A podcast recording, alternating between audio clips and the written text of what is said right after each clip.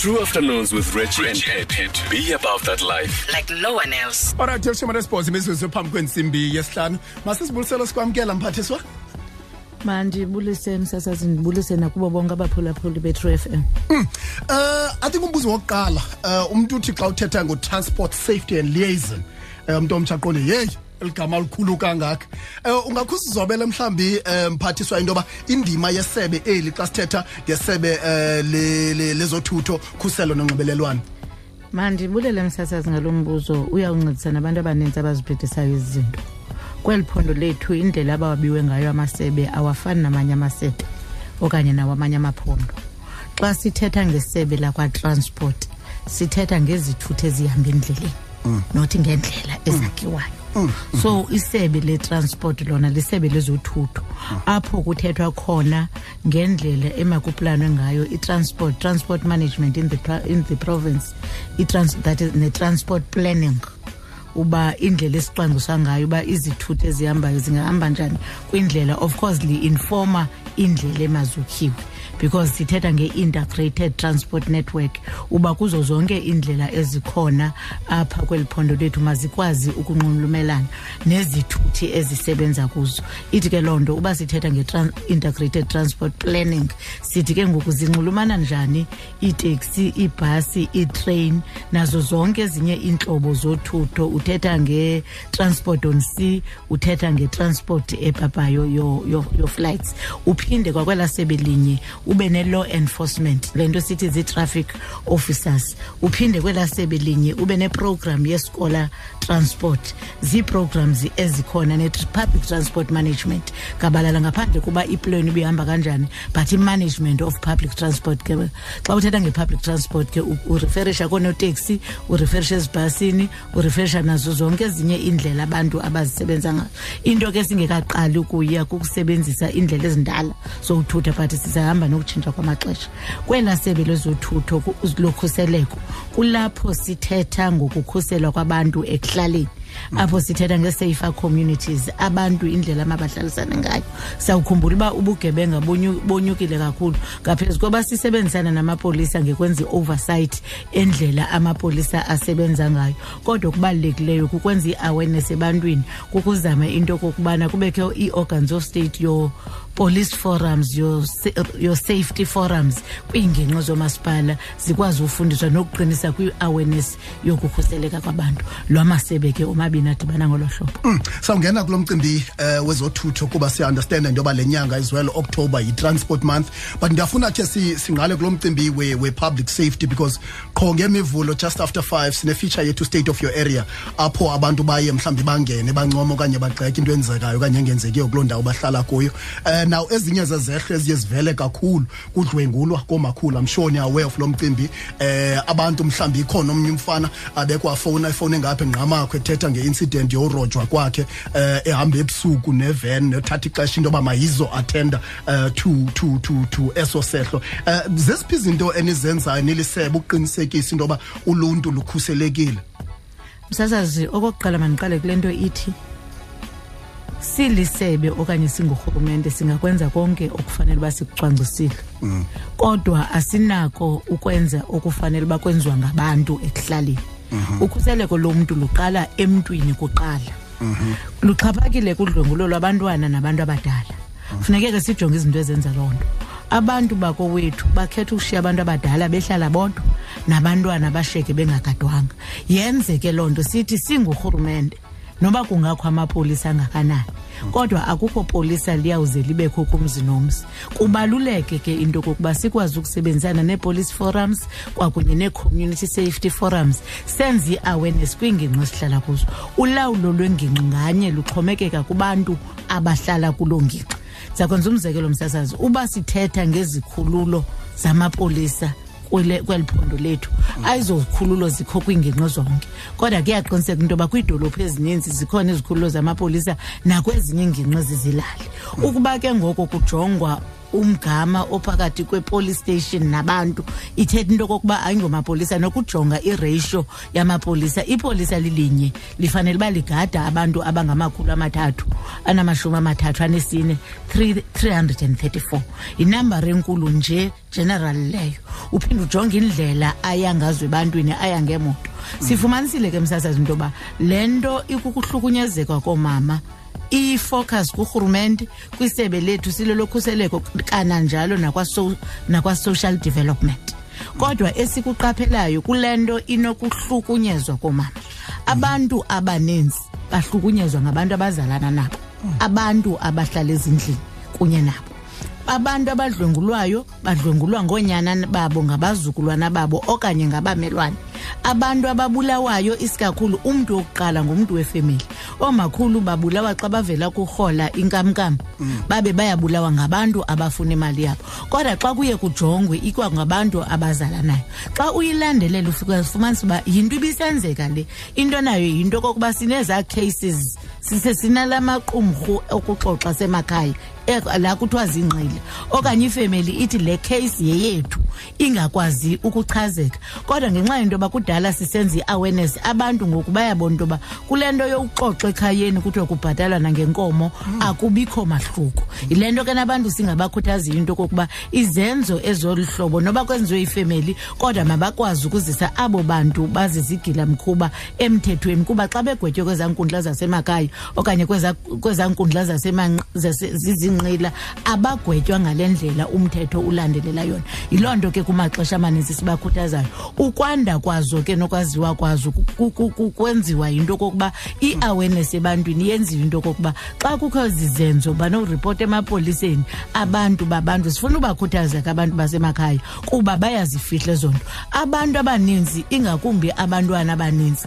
Abantwana yimeko yethu yokuhlala. Is either umntu ureyitshwa ngumalume wakhe ureyitshwa si-stepfather sakhe. Zizinto ezikhona ekuhlaleni esingenawuziphika ezibangela uba ke amapolisa angakwazi ufikela esiphinde sakuqaphela ngumkhuba owenziwa luluntu lakowethu. Mhlawumbi umntu ebengavananga nepolisa emini alazi uba liyaphangela ebusuku alitrephe. Yile nto ke sizawubona nee-police killings zisanda mm. okanye ukwenzakaliswa ngamapolisa ambize true ten triple one esithi kukho ingozi xa efika amapolisa kwezinye izehlo eziripotiweyo sifumanisa into okokubana ayabethwa ayabulawa bekungekho kwakuxabana kwicommunity. Kodwa umntu ucwangisile into yoba ngoba bendingavananga nalo mini okanye ngoba lali ndibambile mandikwazi ukuziphindezela. Yile nto ke sinee-police killings ezenzayo esikwaziyo esicela abantu bakowethu sibanqanda into okokubana mabayeke ukuwahlukumeza namapolisa kananjalo kuba angabantu ahlala kwiindawo esihlala kuzo enza umsebenzi omkhulu nobalulekileyo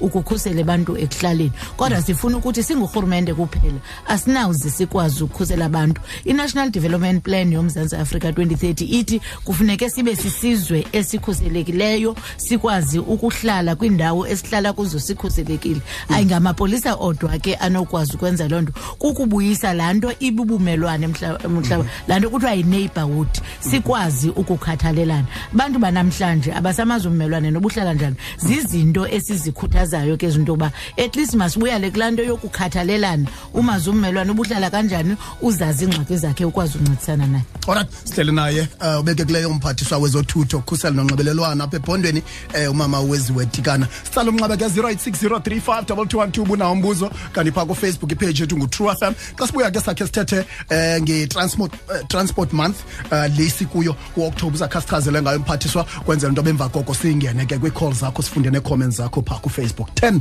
before um 5 hola ithini into xa ndingenayi-rate okanye funeka ndamenye kwezinye ii-provinces does that mean by true fm ndiyishiya ngasemva Of course not. You can find True FM wherever you are on www.truefm.co.za. Click on Listen Live or simply tune into channel 916 on DSTV Audio Bouquet. hayi ke true fm reaching the youth all over the world Like no one else. zibandakanye ne-sabc kwirugby world cup 2015 one two one two one two one two bhoke hi everyone. Ndingu-andisiwe hlubikazi zondeka. Ndifuna ukuthi kwi-springboks good luck boys. You've done it before. You can do it again. Please make us proud. Sinithembile. Abashwe. About to let's do this. Give Give us a shout on 086 035 2212. Alright uh yeah 0860352212 eh mphathiswa inyanga ibaleke kakhulu le eh transport month.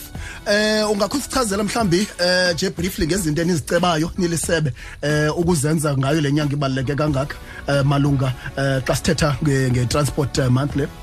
Eh Nkosi msasazi sawukhumbula into kokubana le nyanga ibaluleke ngento kokuba yindlela ekufuneka senze imiyalezo yokhuseleko ezindleleni kubantu bonke abasebenzisa izithuthi nakwindlela ezihlala abahlala aba kwindawo abahlala kuzo. Iingozi ke ezindleleni azahleli bantu abasebenzisa izithuthi kuphela. Zehlela kwakunye naba bantu bazi-pedestrians yiloo nto senza i-awareness isikakhulu sigxile kuyo. Yile nto simbonileyo ke umphathiswa kazwelonke elontsha pha ngendlela ekubonakalayo into kokuba nerhawuteng province iyabona into kokuba eyona nto yenza ingozi kukuxinana kwenziwa ziimoto sibuyela kwibhayisekile sibuyela ezikuteni ukwen- ukucutha itrafiki endleleni. Kodwa ke sileli phondo lethu akukabikho kufutshane into kokuba singafika kwelabakala. Siyaqinisa ke ekufundiseni abantu ngezokhuseleko. Kule nyanga msasazi njengoba sesilapho kukuzama ukwenza i-awareness sawukhumbula into yoba lo nyaka uphelayo kulo October sasithe nguyear of road safety. Kodwa sinokutsho msasazi into kokuba nangona besiqale kakuhle kulo nyaka kupheleyo nangodisemba phaya zehle izitatistics zengozi kwi-festive season. Kodwa sibonile into yoba sileli phondo lempuma koloni inyanga kaaugusti ayiyonyanga ithe yasiphatha kakuhle. Kuba yinyanga exhatshakelwe zingozi apho bekude kwakwabantu abangaphezu kwamashumi amahlanu ababhubha ezingo- ezi- ezindleleni ngengozi zendlela. Yiloo nto sithi nangona sasithe nguyear of road safety kucacile into kokuba sisebenze kakhulu nabantu basebenzisana nathi kwelaa xesha. Kodwa ngowuye kuphela unyaka lo we-road safety sikuloo ngxaki loo nto ke sithi kulo nyaka njengoba siqala ngo-okthobha asizuthatha uoktoba kuphela sithi yi-transport month. Sizawuke siqhube ezinyanga zintandathu siyowuphela kumatshi ukwenzela into yoba abantu baqhelane nemiyalezo yokhuseleko okuyona okona kubalulekileyo. Sawuqinisekisa ngee-dialogues kunye nabantu abatsha kunye nabantu gabalala ekuhlaleni nendawo e- abahlala kuzo. Yiloo nto sizawuthi ngomhla weshumi elinesithathu kule nyanga nge-13th sizabe silontsha msasazi iprogram apho sikhupha iimoto sizisa ebantwini kodwa partnerishe nophasa into kokuba sizama abantu abaninzi ukuba redirectela ezitreyinini ingakumbi abantwana besikolo. Abakwazi ukuyosebenzisa itreyini sabe silontshe iroute yetreyini esuka emonti neza emdantsane nephinda ibuyele e- emva iphele ebhelini loo- loo loo route. Apho sithi abantwana besikolo masibala- mas- mabasebenze khona. Sinazo ke nezinto ezizama ukukhulisa abantwana ngokubanika amathuba amasebenzi sithi mabenze i-car wash programs abo bakwaziyo as cooperatives.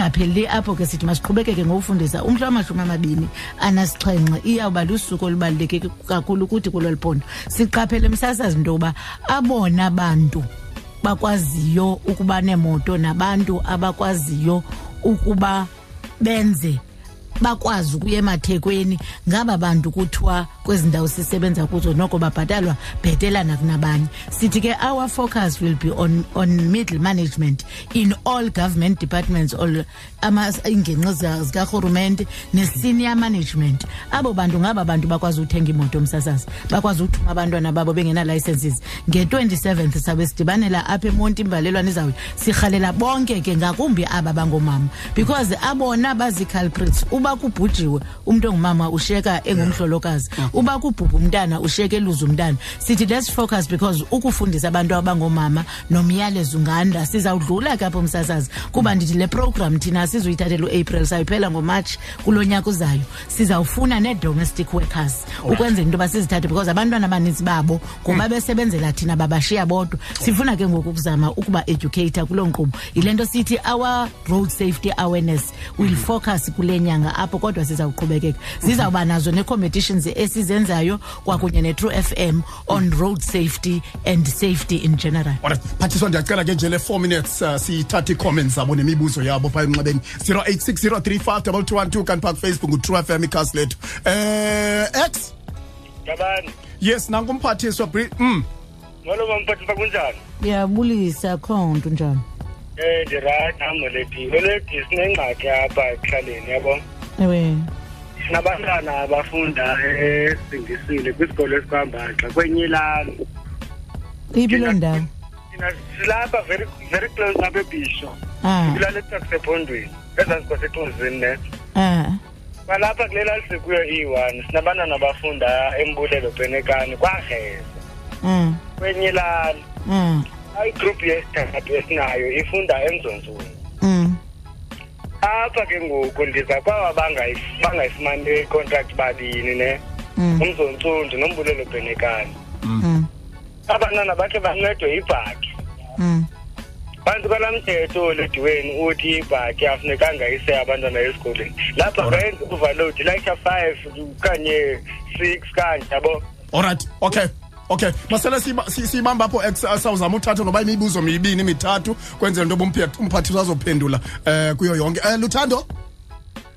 Sure sure sure. Please please be brief ma- mnganam so that sokwazi ufaka omnye ukwenzela umphathiswa azokwazi uphendula. Oh, okay. Okay mo- molo ma. Molo bhuti Uh, bengifuna ukubuza mna bangaba because ngike nakwenye indawo ngenye imini uh, aba- abantu aba- aba-disabled be- be- be- benezikhalazo abanazo nge-transport. So befuna ukubuza uba mhlawumbi abana- alinazo izicwangciso esinazo na ningugovernment ekuncedisaneni nabantu aba- aba-disabled? Because abantu abahamba like abantu abaku- abahamba nge-wheelchair bathi ba- bathathwa ziiteksi yabo aba- aba- abangaboniyo umzekelo. Iiteksi azibafikisi mos iteksi ziphela kuloo ndawo ziphela kuyo yabona umntu abesiya kuloo ndawo ufuna usibeke kuyasokola okay. Bendifuna ubuza lona alright nkosi kakhulu um luthando um masithathe uthulani um ndiyaqonda umphathisi into yobuxake kakhulu but ndizawucela into yoba uh, asiphendulele yonke le mibuzo after indaba. Um thulani? Eh mrajana. Yes umbuzo wakho bhuti kwenzela into yoba songena ezindabeni aphendule umphathiswa emva kwendaba. Umbuzo wam umrejana ndicela ubuza umphathiswa khona nasenzela yona phaa kwawani emdantsane ingxaki esinayo ne? Kukho ezi teksi zimisayo apha endleleni ne? Zigade abantu abahayikhayo yakhona ezaa teksi ezinjengoba thina si- si- si- si- si- si- sikwezi side road junctions zisuka kwawani nje ngeemoto zethu asikwazi ukungena kwi-main road izivalile ngezantsi nangentla asiboni uyagesa xa ungenayo phaa akukho ndlela inokwenziwa khe kususwe aba bantu phaa because sizawufelwa zimoto ngoku. Alright nkosi kakhulu buthulani sibamba ngazo zibini. Alright uh, phaa kufacebook ipage yethu ngu-true fm uh, ulizo uh, ba, balasana uh, uthi molweni ndiyabulisa apha estudio. Uh, ndicela ubuza kumphathiswa uba ii-applications for ibhasari kweli sebe lakhe uh, azikavulwa na? Uh, so kubuza ulizo balasana. Alright uh, umphathiswa uzawuphendula kuzo zonke uh, ezi questions just after indaba. Lixesha lendaba ke ngoku ibetha intsimbi yesihlanu nankumntakakulathi ovuyisile. Alright 12 FM like nona simehlalo bezizwe bedla insimbi yesihlanu. Uh njengoba besentshilo busanda ungena ngoku ungena sihleli kunye naye. Uh ubeke kuleyo umphathiswa wezothutho khuselo nonxibelelwano apha ephondweni. Uh, umama weziwetikana uhleli kunye nathi namhlanje kanti ke imibuzo beseyibuziwe already. Um i think sawuthatha icall eyi-one uh, then sifunde icomment uh, eyi-one then kwenzela into yoba umphathiswa uh, azo azo azosiphe uh, azosilanduka azosinceda ngempendulo kuloo mibuzo. Um muster?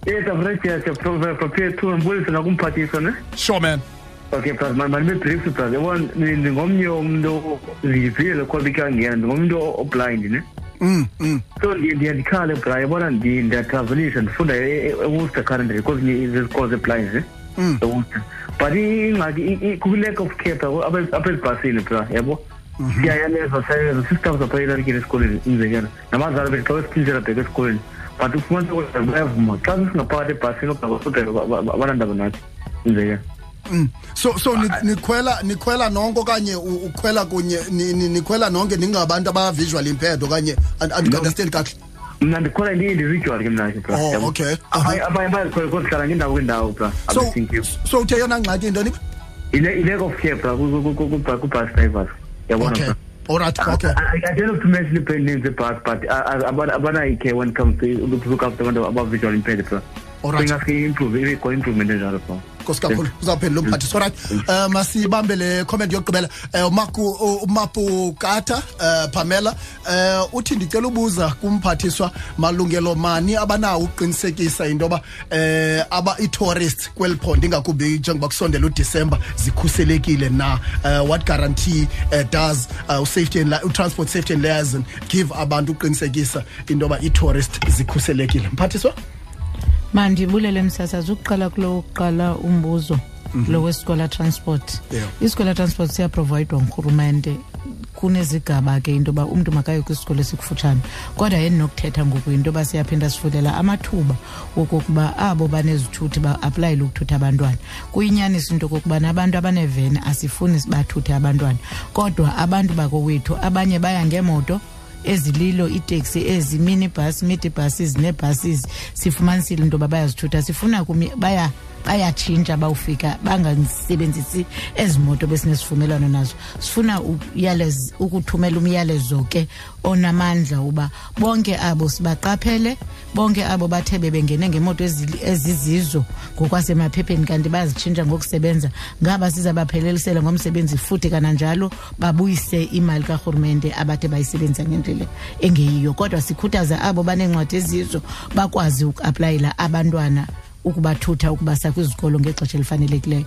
Kodwa sawukwazi ukuthumela amagosa aqonde into yoba yeyiphi into enokwenzeka ngoku. Ukuba ngaba kwi-service provider ibinikiwe ibe itshintshile sikwazi ukulandelela loo nto.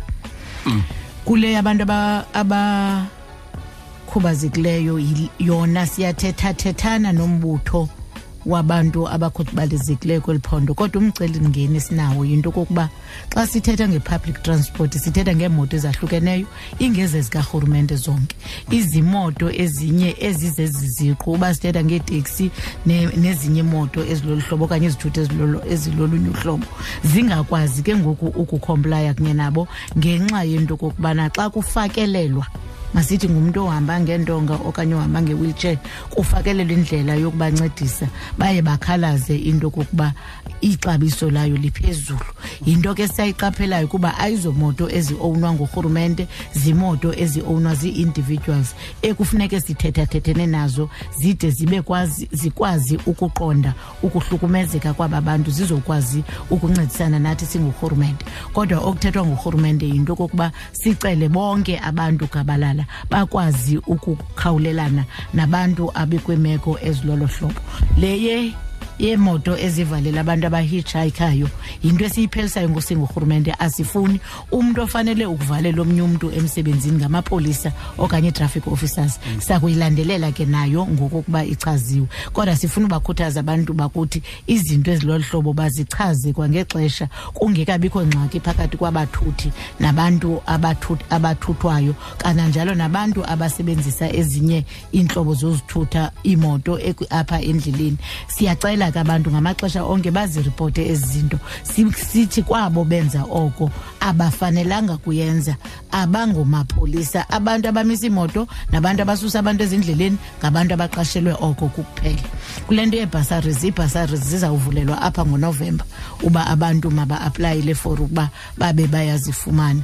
Okokugqibela sakuyiqaphela le nto yokuba abantu bangakhathalelwa ngoodrayiva ezibhasini xa bezisebenzisa. Sizawunika umyalezo kwezo bhasi. Iibhasi ke esisakwazi uthetha nazo kakuhle ngu-ab 350 noma ibuye kwakunye no-alcoa because those are the buses ezisubsidizwa ngurhurumente kodwa ke sinako ukuthetha nanga- nee-associations zezo zingekho phantsi kwesubsidy kuba zisebenzisa ngokomthetho nee-permits ezizinikwa ngurhurumente Mm, mhm. phathiswa phambi koba uvale ndiyacinga into yoba kubalulekile into yoba siyivelele le nto because iye yavela kwi- kwii-topics ezininzi besikhe sathetha ngazo apha kulo moya. Um u- ungabikho kwentsebenziswano phakathi kwabahlali namapolisa. Um ingaba nilisebe? Ibaluleke kangakanani into yoba you know i- siyikhuthaze le nto um into yoba amapolisa asebenzisane noluntu in general? Msasazi masiqale kule nto ibangela uba kungasetyenziswana abantu bakowethu baxabana bevana bahambe bobabini ngokwahlukeneyo bowumangala ngokwahlukeneyo bemangalelana. Kungahambanga xesha lide babuye besithi bowucima ityala kuba bevene yinto wasokolisayo ke ama- amapolisa leyo kodwa nawo sisithi kumapolisa makalandelele imigomo yomthetho afanele uba ayayilandelela ngamaxesha onke xa abantu bese izikhalazo kubo. Kumapolisa ke kuthi kuripotwe kuyo uphando luye lwenziwe kunelaa sebe lungu-ipit elijongene namapolisa apho unational government nalo alifake phantsi kwedepartment of safety into yoba onke amapolisa aphula umthetho ayamangalelwa kuphandwe agxothwe. Eli phondo lasempuma koloni seligxothe okanye selikhulule amapolisa angaphezu kwamashumi amathathu afumanekise esematyaleni. Kwakube kuripotiwe kwaphandwa ngabo. Kodwa nabantu bakowethu ke mababe nendlela yokusebenzisana namapolisa xa umntu eyolivula ityala makangaphinda alicime makayeke umthetho ulandelela indawo yakhe. Mm, mhm. njengamazi wakho okugqibela mphathiswa uvala.